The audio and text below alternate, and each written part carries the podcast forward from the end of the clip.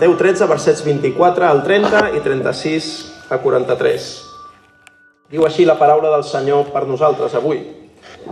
Els va proposar Jesús una altra paràbola, dient El regne dels cels és semblant a un home que sembrà bona llavor en el seu camp. Però mentre els homes dormien va venir el seu enemic i va sembrar zitzània enmig del blat i se n'anà. I van tenir i van venir els servents de l'amo de la casa i li digueren Senyor, no vas sembrar bona llavor en el teu camp? D'on li ve la zitzània, doncs? I els digué, això ho ha fet un enemic. I els servents li digueren, vols, doncs, que hi anem i la collim? Però ell digué, no, no fos que collir la zitzània, arrenqueu amb ella també el blat. Deixeu que tots dos creixin juntament fins a la cega. I en el temps de la cega diré als segadors, colliu primer la zitzània i lligueu-la en feixos per cremar-la, però el blat aplegueu-lo en el meu graner. I fem un salt on Jesús explica aquesta paràbola. 36 a 43. Llavors Jesús va acomiadar les multituds i entrar a la casa. I se li van atensar els seus deixebles dient explica'ns la paràbola de la zitzània en el camp. I respongué i els digué el qui sembra la bona llavor és el fill de l'home. I el camp és el món. I la bona llavor són els fills del regne. I la zitzània són els fills del maligne. I l'enemic que la ve a sembrar és el diable. I la cega és la fi del segle. I els segadors són els àngels. Doncs així com escull la zitzània i és cremada al foc, així serà en la fi d'aquest segle. El fill de l'home enviarà els seus àngels i colliran del seu regne tots els entrebancs i els que practiquen la iniquitat i els llançaran al forn de foc. Allà hi haurà el plor i el cruixit de les dents. Llavors els justos resplendiran com el sol en el regne del seu pare. Qui tingui orelles per escoltar, que escolti. Hola i benvingut al podcast de Ciutat Nova, una església protestant al barri 22 arroba de Barcelona.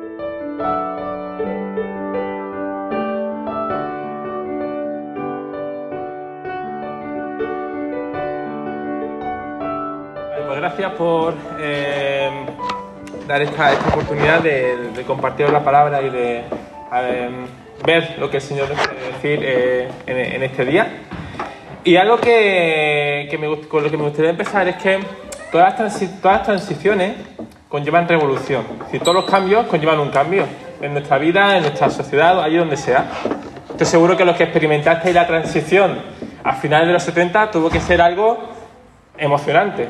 Decir, todo aquello que se, que se vaticinaba, ¿no? Era un cambio de hacia dónde vamos. Es decir, olemos la democracia, ¿no? Olemos un nuevo Estado. A algunos a lo mejor les hubiera gustado que no hubiera sido una monarquía, pero bueno, todo no se puede. Um, no obstante, traigo, traigo, eso trajo una revolución, ¿no? Y a la luz del texto en el que nos vamos a acercar hoy y dentro de las series que estamos, estamos viendo cómo la transición, el hecho de que Jesús llegara a la tierra, trajo una revolución. Trajo una revolución social, cultural y hasta tal punto que es una revolución cósmica. Una revolución que lo que implica todo. La llegada de Jesús aquí lo implica todo. Y, me imagino a Jesús pensando, venga, ¿cómo eh, planteo todo esto, no? Con historia. Le voy a explicar a este pueblo, le voy a explicar a mi pueblo que, cómo es esta revolución que traigo. Cómo es este cambio que quiero traer a este mundo al establecer este reino de los cielos aquí en la tierra. Y así es como empieza Jesús a contar historias, parábolas, para desarrollar toda esta idea. Porque al final las historias nos han acompañado durante toda la vida a los seres humanos. Las historias han formado parte de la difusión de las culturas para miles de fines. Para convencer, para enseñar.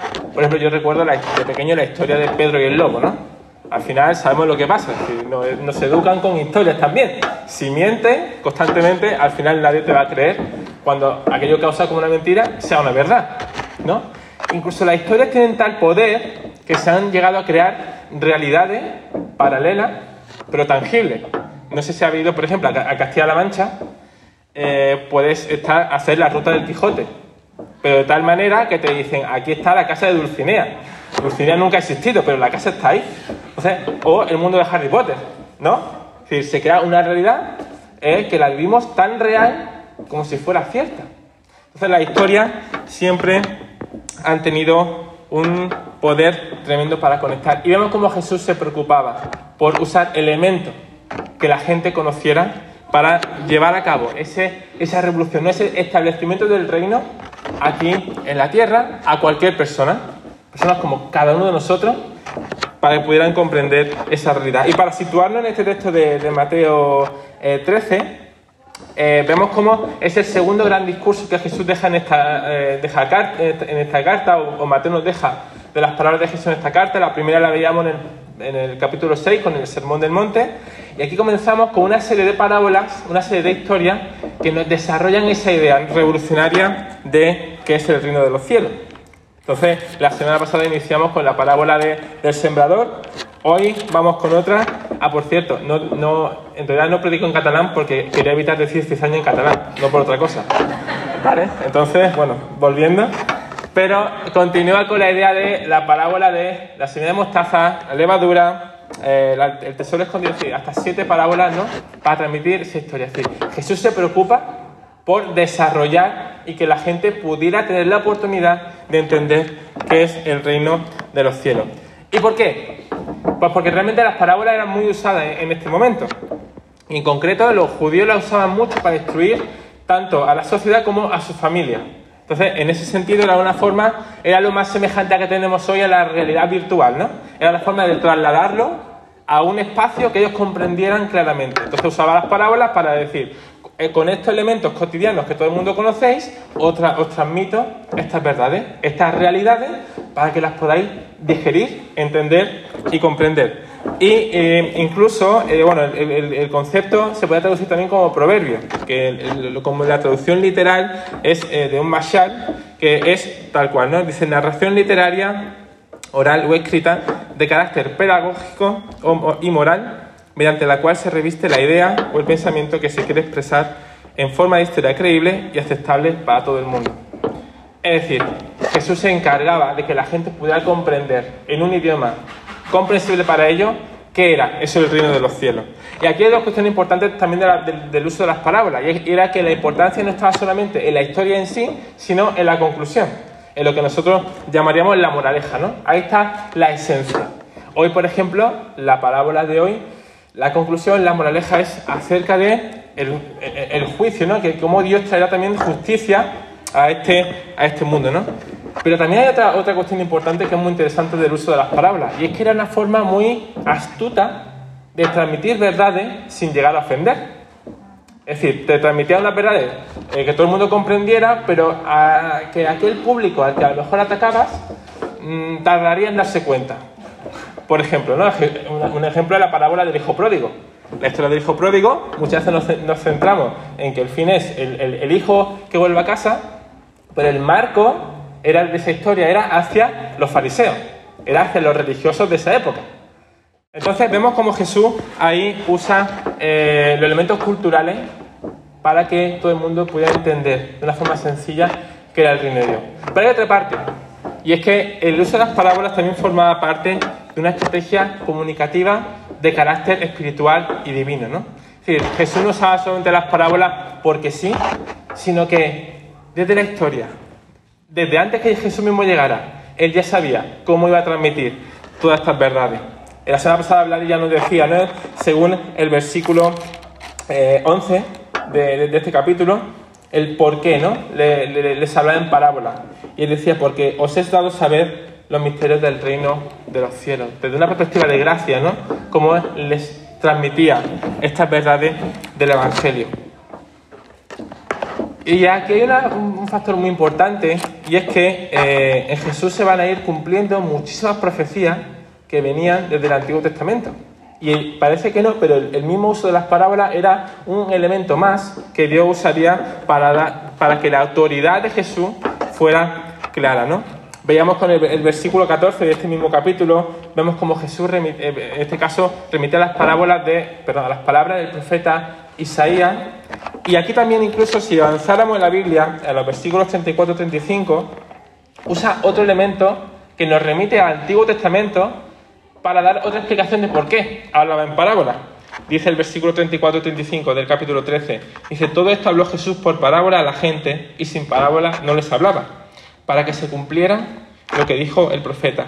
Abriré en parábolas mi boca, declararé cosas escondidas desde la fundación del mundo. Y estas son palabras del, del salmista que remiten al Salmo 78, 2. Y me está diciendo, pero ¿por qué me está dando la chapa de esta forma?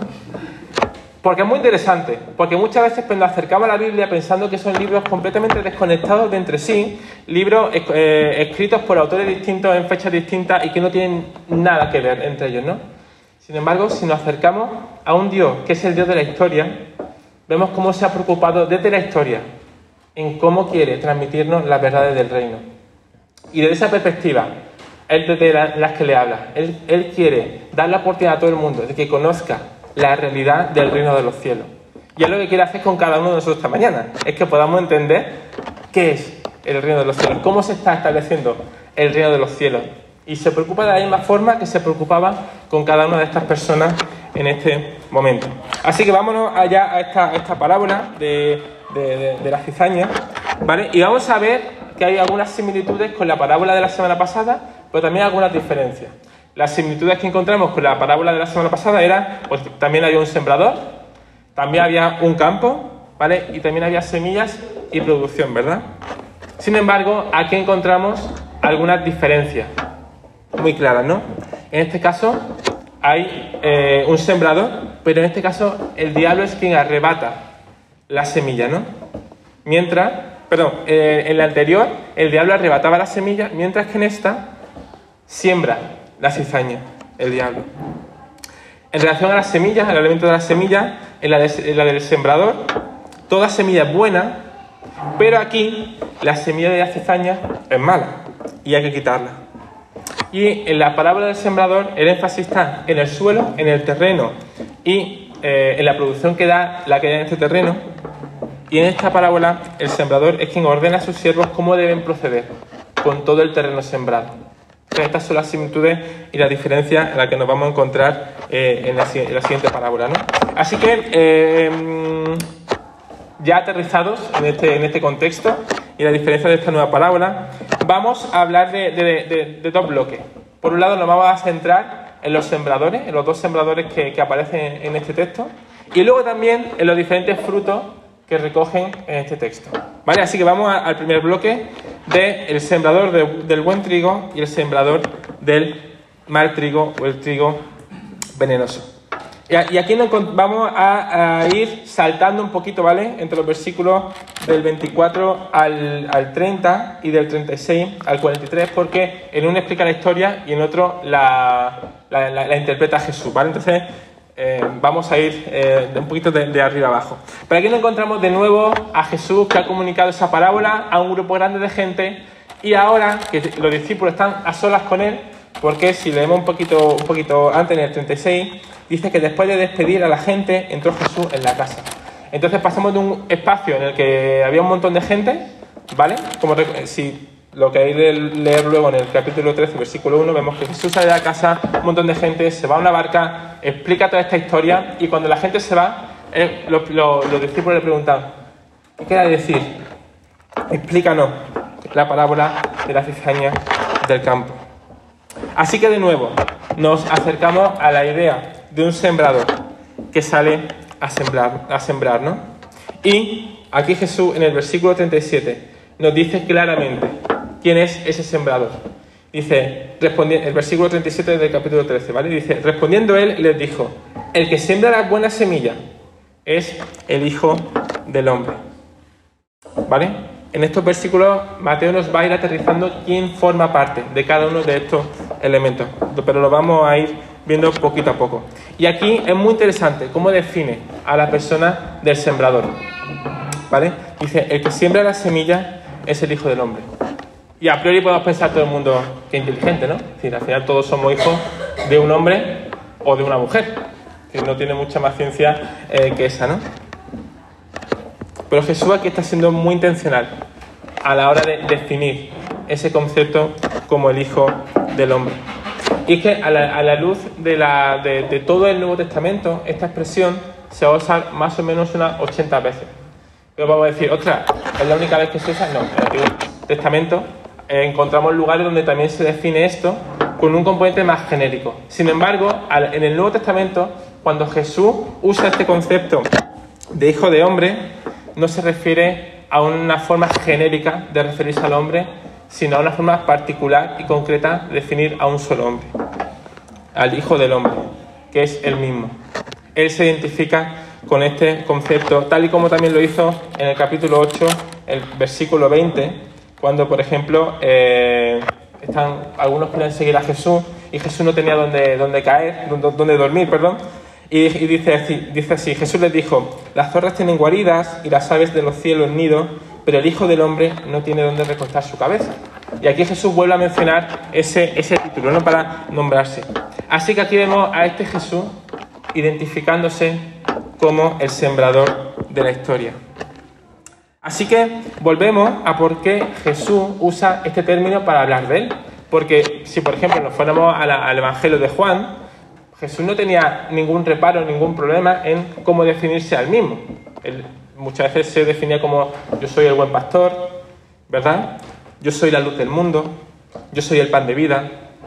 Es decir, Jesús no tenía ningún tipo de reparo en decir yo soy el buen sembrador que siembra este mundo. ¿No pensáis? En ese sentido será más fácil. Aquí lo que Jesús está haciendo es remi- re- remite al eh, interesante nombre que Daniel, el profeta Daniel, 500 años antes, mencionaba en su profecía que vemos en el capítulo 7, versículos 13 y 14 del libro de Daniel, que dice así. Eh, capítulo 7, 13 y 14 del, libro de Daniel. Miraba yo en la visión de la noche y vi que con las nubes del cielo venía uno como un hijo de hombre. Vino hasta el anciano de días y lo hicieron acercarse delante de él. Y a este, al Hijo del Hombre, le fue dado dominio, gloria y reino, para que todos los pueblos, naciones y lenguas lo sirvieran. Su dominio es dominio eterno, que nunca pasará, y su reino es, es uno, que nunca será destruido. Así que aquí vemos cómo Mateo, el autor de este Evangelio, se preocupa por explicar que este Jesús es el Dios de la historia. Que este Jesús es el Hijo del Hombre que aparece en esta historia y vemos cómo nos va dando muchas de estas pildoritas que encontramos a la luz del Antiguo Testamento. Y esto nos tiene que animar a que cuando nos acerquemos a leer la Biblia, también nos, nos podamos acercar a ella como un libro que desarrolla una única historia. Un libro en el que vemos como desde Génesis hasta Apocalipsis Jesús está presente, con mucho susurro. ¿Recordáis, no? Como de, de pequeños nos explicaban que eh, si queremos volver, bueno, también se usaban, se usaban historias, ¿no? No recuerdo el nombre de, los- de los personajes, pero que se metían en el bosque, ¿no? Iban dejando mijitas de pan, ¿no? Por el camino. ¿Quién? Hansel y Gretel. Gracias.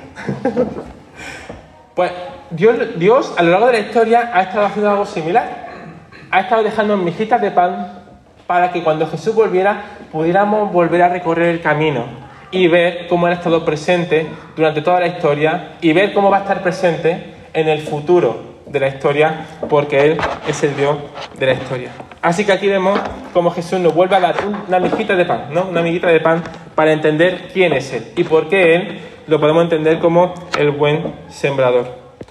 Por lo tanto, dentro de las primeras facetas que me gustaría destacar de este buen sembrador es que es el, Jesús es el sembrador prometido. La segunda, ¿no? La segunda faceta de este sembrador que me gustaría desarrollar, como es el sembrador confiable.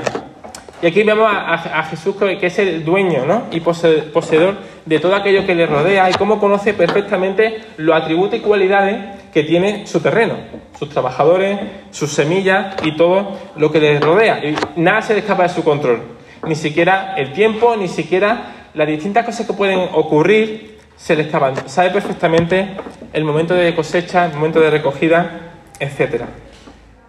Los propios siervos dudan ¿no? de su señor. Dicen, ostras, ¿pero no sembraste tu buena semilla en el campo? ¿Cómo pues tiene cizaña? Aquí vemos un sembrador plenamente consciente de cómo tiene que proceder. Y vemos un sembrador plenamente consciente de qué es lo que había que ocurrir, ocurrido. Vemos un sembrador que no duda ni titubea, ¿no? A la hora de decir esto es lo que ha pasado. Porque tiene la firme convicción de que su semilla es buena, y sabe cómo va a proceder para volver a limpiar su campo. Y aquí vemos a estos siervos descansando y confiando plenamente en que deben de escuchar y entender el cómo proceder a esa realidad de un campo que se ha visto corrompido por la cizaña. No se pone nervioso, no duda, es un sembrador confiable. Y Jesús nos está recordando que podemos descansar plenamente en Él, firmemente en Él, en medio de nuestras circunstancias, en medio de cualquier realidad. Vemos que Él es el sembrador en el que podemos confiar en medio de tu realidad, en medio de mi realidad. Y entonces hemos hablado de que es un, el sembrador prometido, un sembrador confiable, y vamos a ver también a un sembrador que es paciente. El versículo 29 y 30, después de que le preguntaran eh, los siervos si querían que arrancara la cizaña, le dice, no, no sea que al arrancar la cizaña arranquéis también el trigo con ella. Dejad crecer juntamente lo uno y lo otro hasta la siega, y al tiempo de la siega yo diré a los segadores, recoged primero la cizaña y atadle en manojos para quemarla, pero recoged el trigo en mi granero. El sembrador sabía perfectamente las consecuencias que podría tener eh, para la cosecha actuar de manera premeditada, reaccionaria e impulsiva. Así que dice a sus siervos, esperad, sed pacientes y vamos a eliminar la cizaña en el tiempo oportuno, para que no se afecte el buen grano. Y es ahí donde también el reino de los cielos se está estableciendo. El reino de los cielos se abre camino en medio de la cizaña. Porque hay, una realidad, y es que ahí donde el reino de los cielos se está estableciendo, la cizaña va a llegar también. Y es ahí donde el, sembrador nos dice, sed paciente. Sed pacientes como yo soy paciente. Allí donde el sembrador desea llevar alguna semilla, es decir, allí donde el sembrador desea darse a conocer a esta humanidad y, darle la oportunidad que todo el mundo lo reconozca como aquel que es su Señor y Salvador, Satanás también va a estar sembrando cizaña para confundirlo y para alejarlo. Allí donde la iglesia se establece, se va a establecer también resistencia. Y esto nos muestra una realidad que vamos a tener que estar, eh, con la que vamos a tener, que estar constantemente lidiando, ¿no? Que allí donde haya una iglesia va a haber cizaña, allí donde haya pueblo de Dios va a haber malestar, tensión, discordia. La iglesia no ha sido llamada a buscar un campo verde, sin maleza, sin problema. No. La iglesia ha sido llamada a estar en medio del campo, en medio del mundo, en medio de la sociedad, porque ahí es donde el buen sembrador desea pacientemente seguir esparciendo la buena semilla. Jesús desea seguir dándose a conocer en medio de nuestra ciudad, en medio de vuestro barrio, de vuestro trabajo, y que podamos llevar, que pueda llevar buen fruto. Una iglesia que se aparta de la sociedad y se encierra y se recluye en espacios alejados no tiene sentido. No forma parte de nuestro ADN. Es perder nuestra identidad. Y aquí vemos a este Jesús, que como el sembrador sigue esparciendo la semilla y nos mantiene pacientemente en medio de la cizaña. Pero familia, hay, hay una buena noticia, ¿no? Y es que llegará un día en que todo ese mal, todo ese veneno de cizaña será quitado. Un día en el que este sembrador vendrá con usando la licencia que, que, aparece aquí, y quitará todo este mal que nos rodea. Extirpará el veneno de este mundo y lo echará al fuego. Y traerá justicia y lo limpiará de todo. Este hijo de hombre que ya Daniel profetizaba y que ha sido profetizado por otros muchos profetas, vendrá en esa gloria resplandeciente y establecerá de nuevo un campo en el que ya podremos habitar en verdes pastos con él, ¿no? Como diría el salmista en el Salmo 23. Por lo tanto, no desmayemos. Seamos pacientes, como el buen sembrador es paciente, porque el buen sembrador vela por tu campo, vela por tu terreno, vela por tu corazón y sabe perfectamente cuál es la razón del mal. Y por eso vino en la persona de Jesús a poner remedio a ese mal. Así que podemos ver a Jesús con estos tres elementos, como un sembrador prometido, como un sembrador confiable y como un sembrador paciente. Y ahora vamos a ver al colega, al segundo sembrador, ¿no? Dice el versículo 25, nos dice que hay un segundo sembrador, dice, pero mientras dormía el hombre, vino su enemigo y sembró cizaña entre el trigo y se fue. Y el versículo 39 nos deja claro, ¿no? ¿Quién fue este segundo sembrador? Dice, el enemigo que la sembró es el diablo. a Jesús no le extraña realmente, que no, no le llama especialmente la atención, no se preocupa en gran medida por lo que ya ocurrió en este caso. Él sabía que habría enemigos y lo define claramente, ¿no? Lo define como Satanás. Y no es de extrañar de esta figura, no es de extrañar que luce, porque si algo le gusta al diablo es destruir huertos, ¿no? Ya lo vimos desde el Edén, como lo primero que hizo era querer corromper la realidad en la que fuimos creados, que era para tener una relación íntima, constante y pura con nuestro Dios, y lo volvemos a ver ahora. Así que la primera faceta de este eh, personaje es como el diablo, es el gran destructor.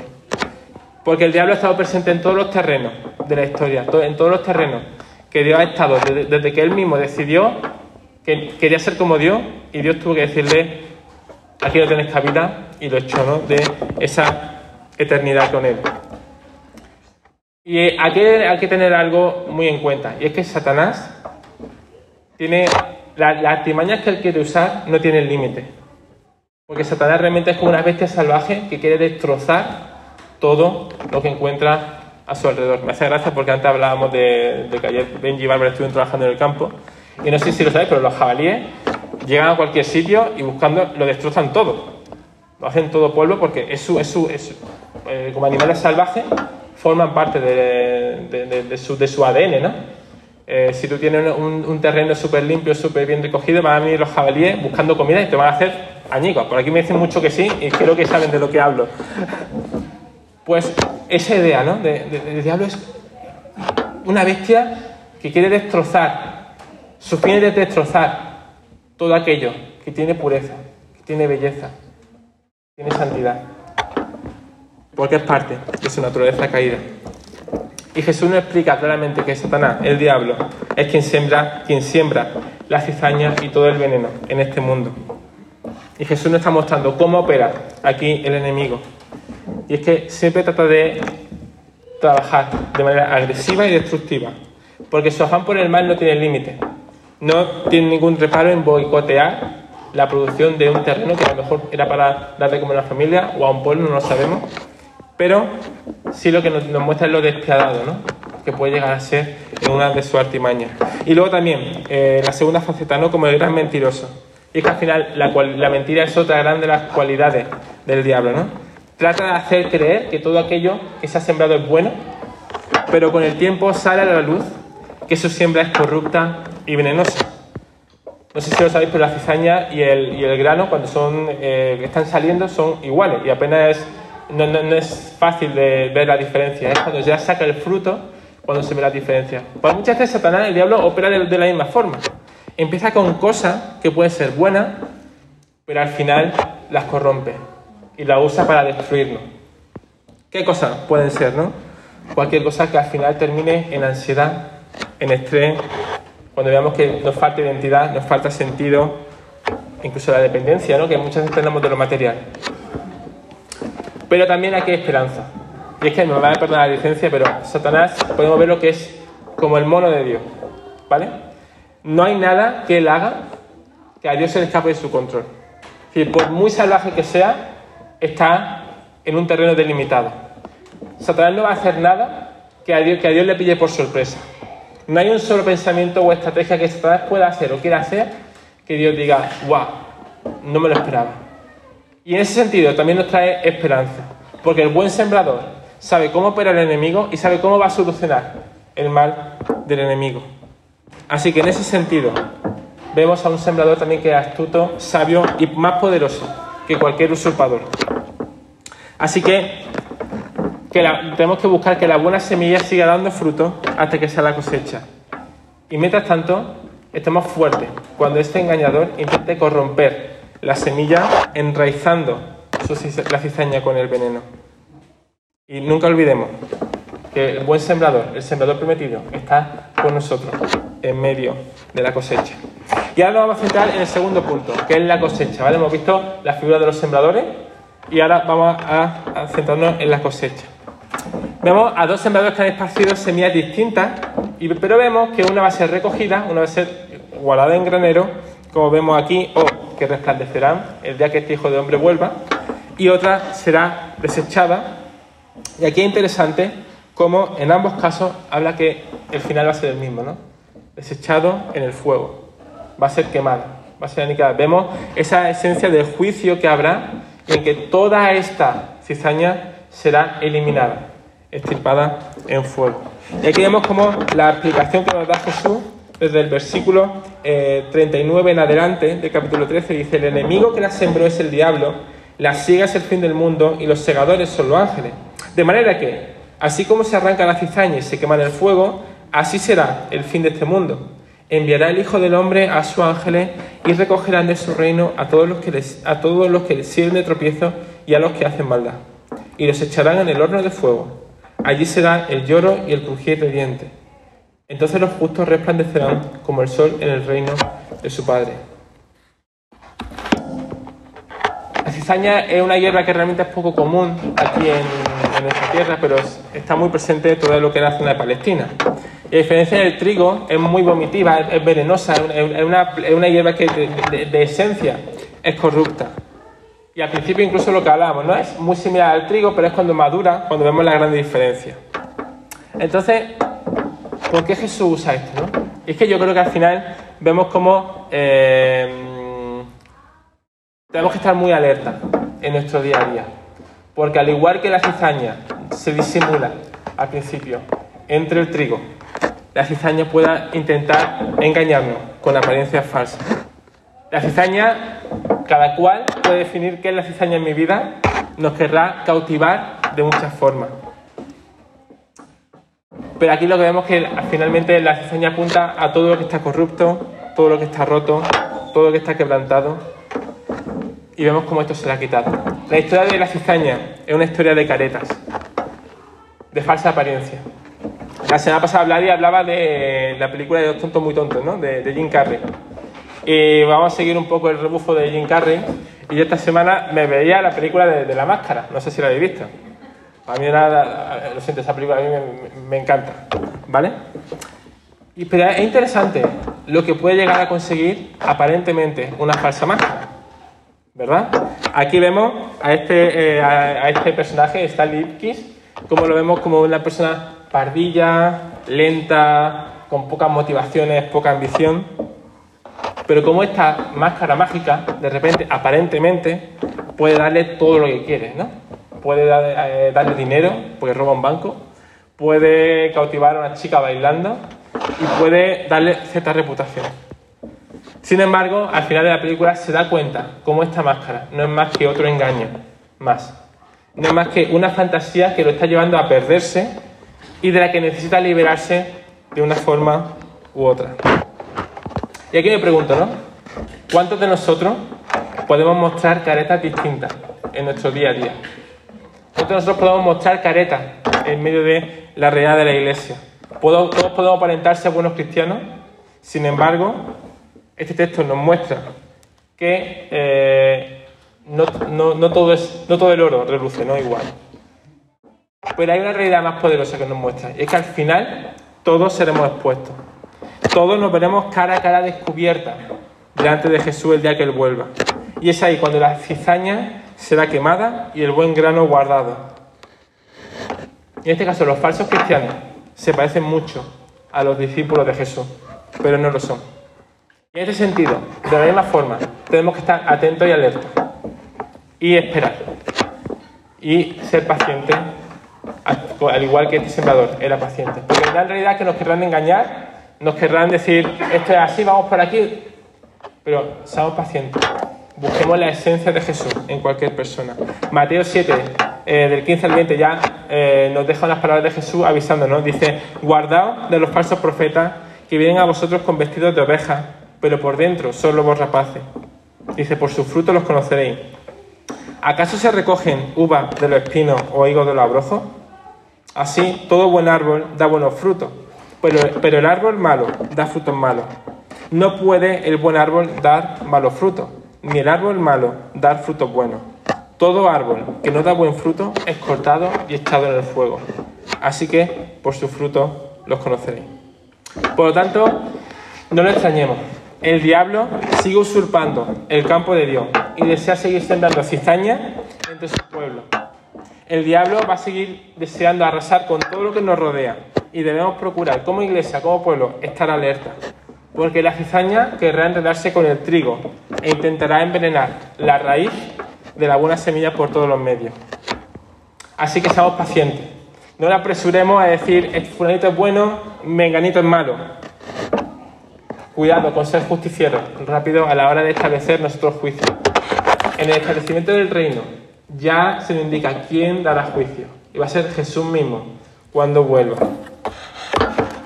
Porque Él lo revelará Él será quien establezca justicia y en su gloria todo será revelado. El mal será destruido. Las caretas serán quitadas. Así que todo esto os lo quiero transmitir como palabra de esperanza para aquellos que, queremos, que creemos en Dios y que realmente queremos su palabra, pero también son palabras que son una advertencia para aquellos que a día de hoy no han reconocido a Jesús como su Señor y Salvador. Así que estamos viendo, ¿no? El impacto y el efecto que tiene la, cosecha de la cizaña. Pero vemos también que hay una buena cosecha. Y es que la buena semilla pertenece únicamente a Jesús. Dentro del semillero de Jesús no hay ninguna semilla corrupta. Y ninguna semilla corrupta es aceptada. El sembrador conoce la semilla y tiene la firme convicción de que esa semilla va a rendir al 30, al 60 y hasta al 100 por uno. Porque una semilla que tiene vida es una semilla que tiene poder. Una semilla cuyo, cuyo eh, fruto no está corrupto. No tiene una apariencia que nos acerca luego a la realidad. Y es esta buena semilla la que, la que nos acerca al proceso en el que Dios está estableciendo su reino aquí en la tierra. Dice el versículo 43, cuando los justos resplandecerán como el sol en el reino de su Padre. Entonces, perdón, los justos resplandecerán como el sol en el reino de su Padre. Cuando hablamos de cómo el reino de Dios se establece, hablamos de un proceso que gracias a Dios aún no está terminado. Hablamos de un proceso que sigue progresando y que concluirá cuando Él vuelva. Dios sigue sembrando este mundo con esperanza y lo sigue sembrando con esa gracia que procede solo de Él. Recordemos cómo la Biblia nos muestra esa gran historia de esperanza y que un día Jesús va a volver para traer justicia y eliminar todo el mal que hay en este mundo y permitirnos el volver a disfrutar de esa gloria con nuestro Creador. La vida, de, cada uno de nosotros como discípulos de Jesús es la vida de semillas que tienen que dar fruto. ¿Por qué? Porque, es un buen fruto. Como, como discípulos de Jesús, nuestro ADN es el de ir echando buenos frutos allí donde estemos. Pero diréis, vale, pues yo en mi día a día con mi familia los buenos frutos a veces eh, no son tantos, ¿verdad? ¿Por qué? Porque al final vivimos realidades muy rotas. yo eh, discuto con mi mujer, me enfado con mis colegas, eh, tengo problemas en el trabajo, pero porque hay muchas cizañas y tenemos que ser conscientes de, de eso, ¿no? Pero hermano, hay una realidad mucho más bonita y mucho más esperanzadora. Y es que Cristo Jesús está con cada uno de nosotros. Y si Cristo está en nosotros, lo tenemos todo porque es aquello que necesitamos para vivir nuestro día a día en medio de este mundo roto. Dentro de este mundo de dolor y sufrimiento podemos confiar y descansar en la plenitud que encontramos en Cristo Jesús. El versículo 41, la primera parte dice, enviará al Hijo del Hombre. La llegada de Jesús nos recuerda que hay esperanza, que ese profeta, ese Mesías prometido va a volver de nuevo. Y es, ese, es ese Mesías el que realmente quiere en el que depositemos todas nuestras ansiedades, todo nuestro estrés, todas toda las luchas que podamos tener en el día a día. Todo el mundo conoce la figura del espantapájaro, ¿verdad? Es muy interesante porque las películas de miedo han demonizado mucho esta figura, pero realmente es una figura muy necesaria para el, para el, para el campo, para el terreno. Pues eh, la gente que tiene extensiones muy vastas de tierra no pueden estar por ahí ahuyentando todos los pájaros o todos los malhechores que quieren venir, ¿no? Entonces, estas figuras son elementos que se ponen en medio de, cualquier campo, de cualquier eh, espacio, con el único fin de mostrar presencia de que hay alguien. Lo que pasa es que siempre le hemos puesto caras muy feas o de calabaza o de, o de lo que sea, ¿no? Pero realmente la figura del espantapájaro es una figura necesaria para evitar que vengan eh, los rajos, los pájaros, para eh, comerse lo que, lo, que, lo que hay ahí, ¿no? Y aquí me voy a perder esta licencia, pero entendedme la idea que quiero transmitir, ¿no? La llegada de Jesús y la muerte y la entrega de Jesús en la cruz es el espantapájaro que Dios puso en nuestro huerto. La cruz es ese elemento que Dios ha establecido en tu vida para ahuyentar todo el mal que se quiere depositar en tu cabeza, en tu corazón, en tu día a día. Dios desea que en este día sigamos abriendo las verjas de nuestros terrenos, de nuestro campo, y lo dejemos que Él venga a sembrar buen trigo a sembrar una vida con esperanza. Porque te dice, yo soy el buen sembrador, que quiero llevar fruto a tu vida. Quiero llevarte una vida plena, una vida en la que puedas disfrutar de las bendiciones, de los frutos que puedo darte. Jesús mismo tuvo que experimentar la justicia que nosotros mismos tenemos, tenemos que expresar, tenemos que vivir en la cruz. Y la cruz nos recuerda que todo este mal de este mundo tiene solución. La, cruz es el insecticida que necesitamos para matar la cizaña de, nuestra vida, de, nuestro día a día. Y puedes pensar, guau, mi granero está lleno de cizaña. Mi corazón tiene una de cizaña que eso no hay quien lo quite. Pues Jesús te está diciendo, déjame que lo quite. Déjame que transforme tu cizaña, la cizaña que hay en tu corazón, con buena semilla para dar un fruto que rinda hasta el 30, el 60 y hasta el 100 por uno. El reino de los cielos se está estableciendo en, este momento. Dios se está moviendo en este mundo. Cuando Jesús vino, aquí dice, arrepentíos y creed en las buenas noticias. Y tenemos que creernos las buenas noticias que nos da el Evangelio. Porque llegará un día en el que Jesús vuelva. Y ahí ya no habrá, no habrá momento de volver atrás. Allá todo el buen grano será guardado y la cizaña será destruida. Pero ahora mismo Jesús nos vuelve a dar la oportunidad de responder a esa esencia, de decir, Señor, quiero tu grano. Quiero ese grano que tú me das. Ese grano que es pleno, que es abundante y que me va a dar todo aquello que necesito. Y termino, tal y como dice aquí el final del versículo 43. El que tiene oídos para oír, oiga. Gràcies per escoltar aquesta predicació. Si tens preguntes respecte al seu contingut o vols tenir una conversa sobre l'Evangeli, no dubtis en contactar-nos. Escriu-nos o visita'ns a www.cn22.org.